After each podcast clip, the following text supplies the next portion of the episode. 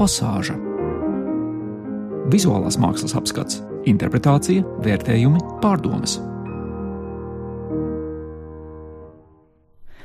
Sveicināti skan raidījums Pasāža. Tas ir raidījums par mākslu. Studijā esmu mēs ievēlējis mēri. Šoreiz raidījumā stāstīšu par četrām izstādēm Rīgā.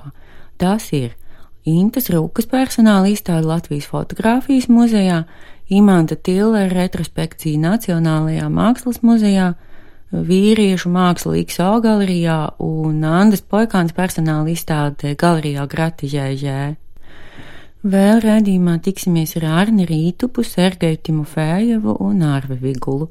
Viņi gan nekādu vizuālo mākslu netaistoties ir izdarījuši šo to citu ļoti būtisku tam, ar ko mēs te pirmdien rītos nodarbojamies, proti skatāmies. Un beigās daži ieteikumi, kur vēl doties tuvākajā no darba brīvajā laikā. Bet sākt šoreiz gribas ar dzēju. Nejautājiet, kāpēc vajag dzēju raidījumā par vizuālo mākslu. Ticiet man, vajag. Kāpēc nezinu?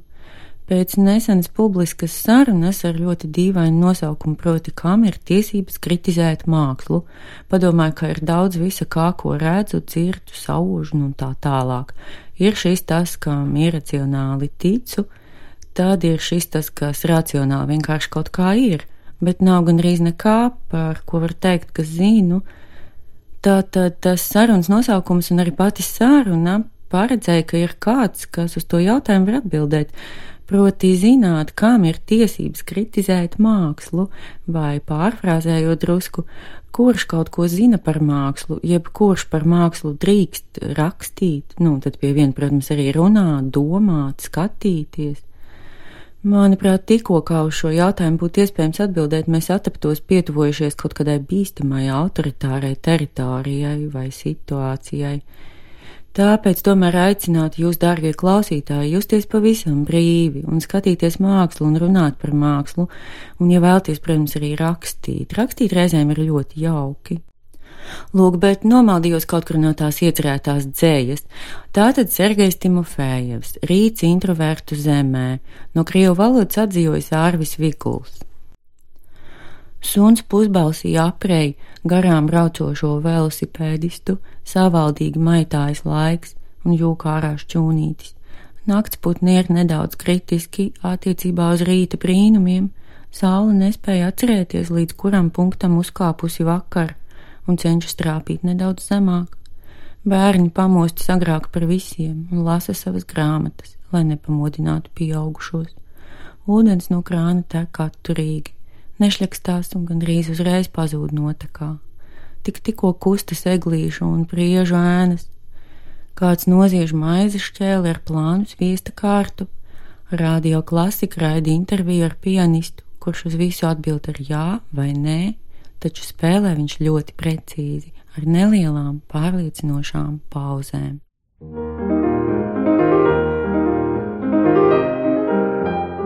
Pasāža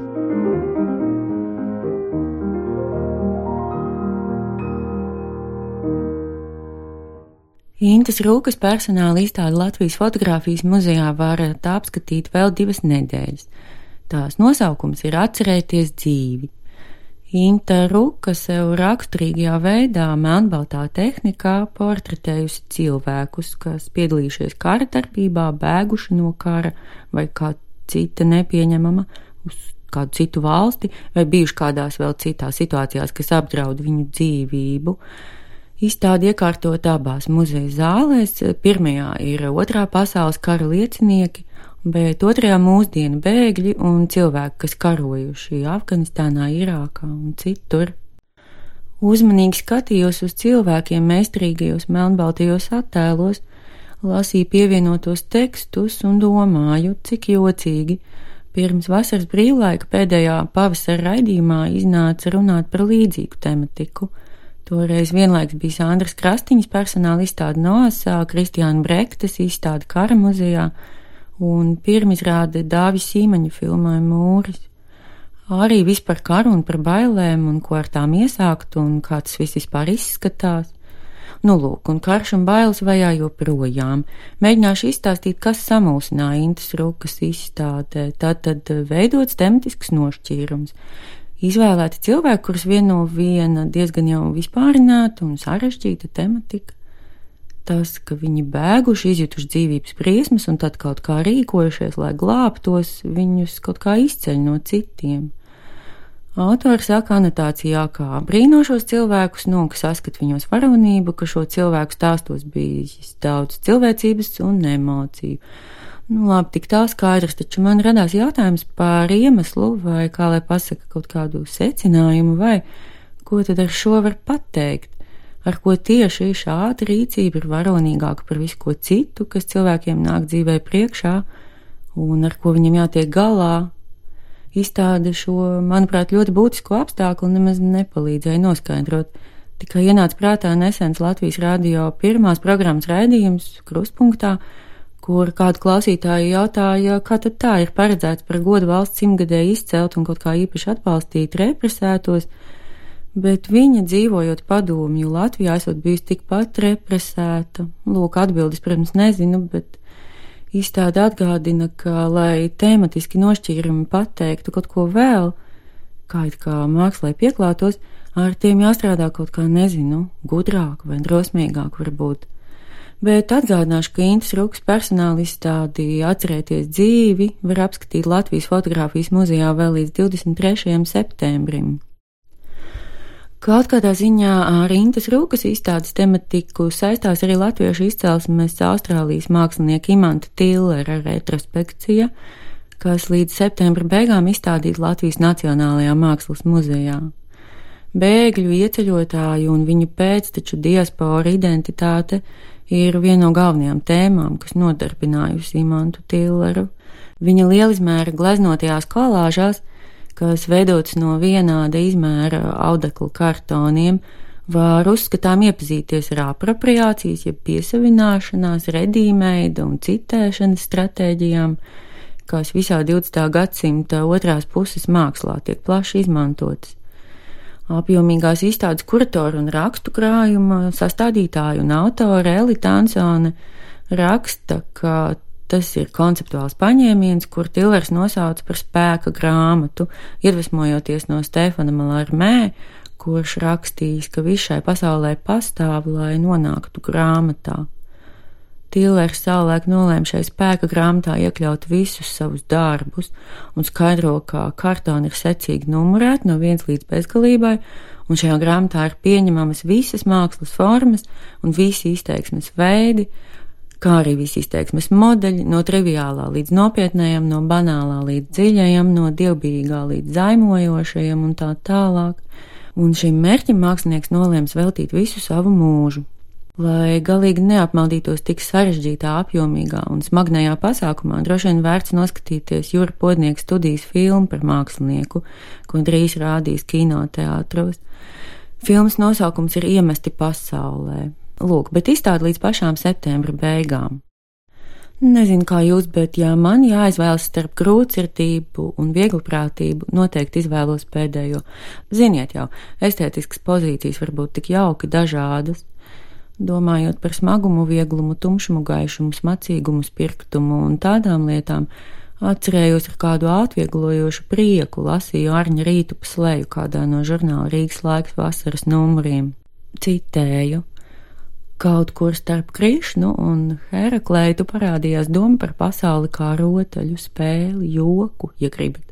Vissmieklīgāk šajā spēlē izskatās tie, kas mēģina visu sevišķi sevi ņemt nopietni.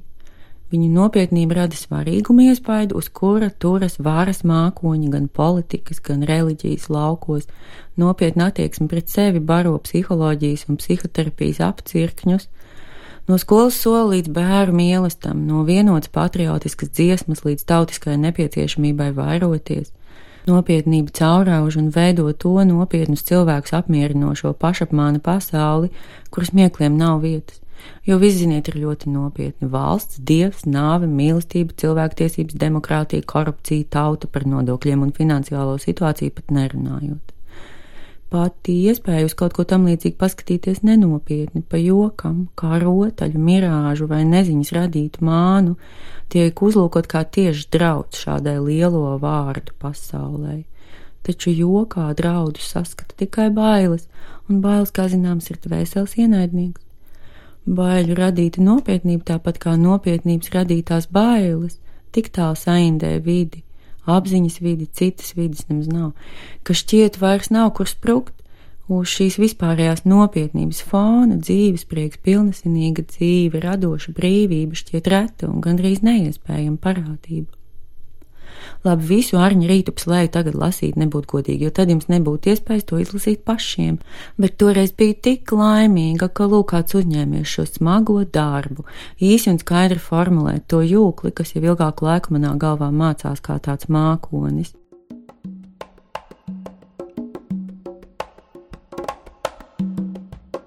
Tā, bet raidījuma sākumā teicu, ka pastāstīšu arī par vīriešu izstādi galerijā Māksla XO un Andas Poikāns personāla izstādi galerijā Grata Jējē.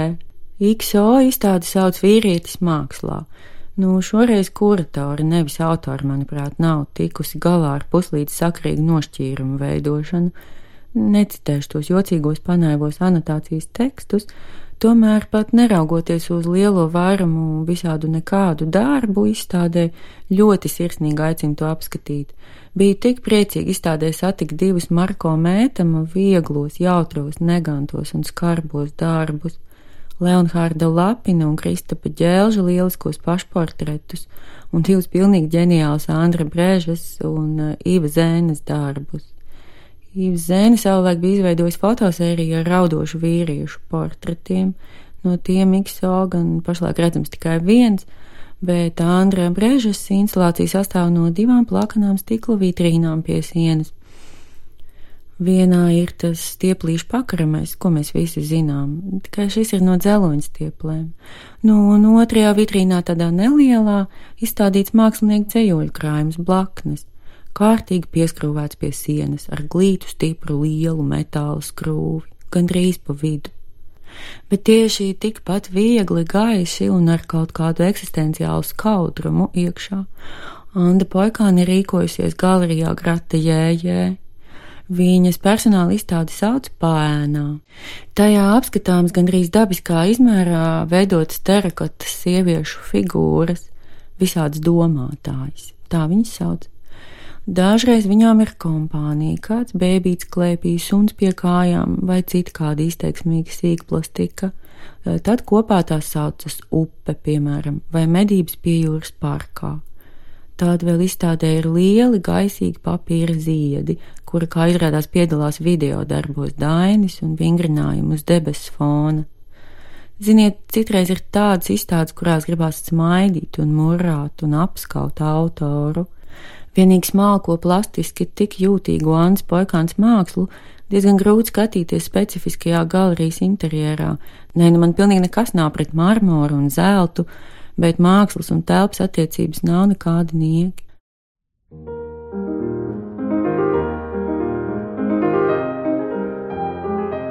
Pasāža Vizuālās mākslas apskats, interpretācija, vērtējumi, pārdomas. Pasāžs šoreiz izskan. Studijā bija es ievēlējis mēre. Šādā sastāvā es šeit, jūs tur un māksla visur, vēl tiksimies šomēnes un oktobrī. Nākošajā raidījumā visticamāk skatīsimies mākslas fórumus, festivālu Survival Kit un Rīgas pirmo starptautisko laikmatīgās mākslas bienāli jeb Rīboku. Sekojiet ziņām un neiet skatīties jau šonedēļ. Un, ja sanāk, noteikti mēģiniet paspēt uz kādu jaunā teātra festivāla Homo Novus mākslas notikumu. Raidījumu atbalsta valsts kultūra kapitāla fonds. Paldies viņam un paldies jums, ka klausījāties. Visu gaišu! Nē, nu un beigās tomēr vēlreiz pievienojas Arvis Viguls. Jūs ienīdāt kārtis un metamos kauliņus elit, lai gan jūs papēžu klaboņa kauliņa kritienam līdzīga. Ēnas saplok ar gaismu, tām arī jūs aizgājāt līdzi. Tas ir pasaules uzbūves vienkāršais verdikts. Mums jātop par putekļu kārtu ap sevi un nevis par sērdi.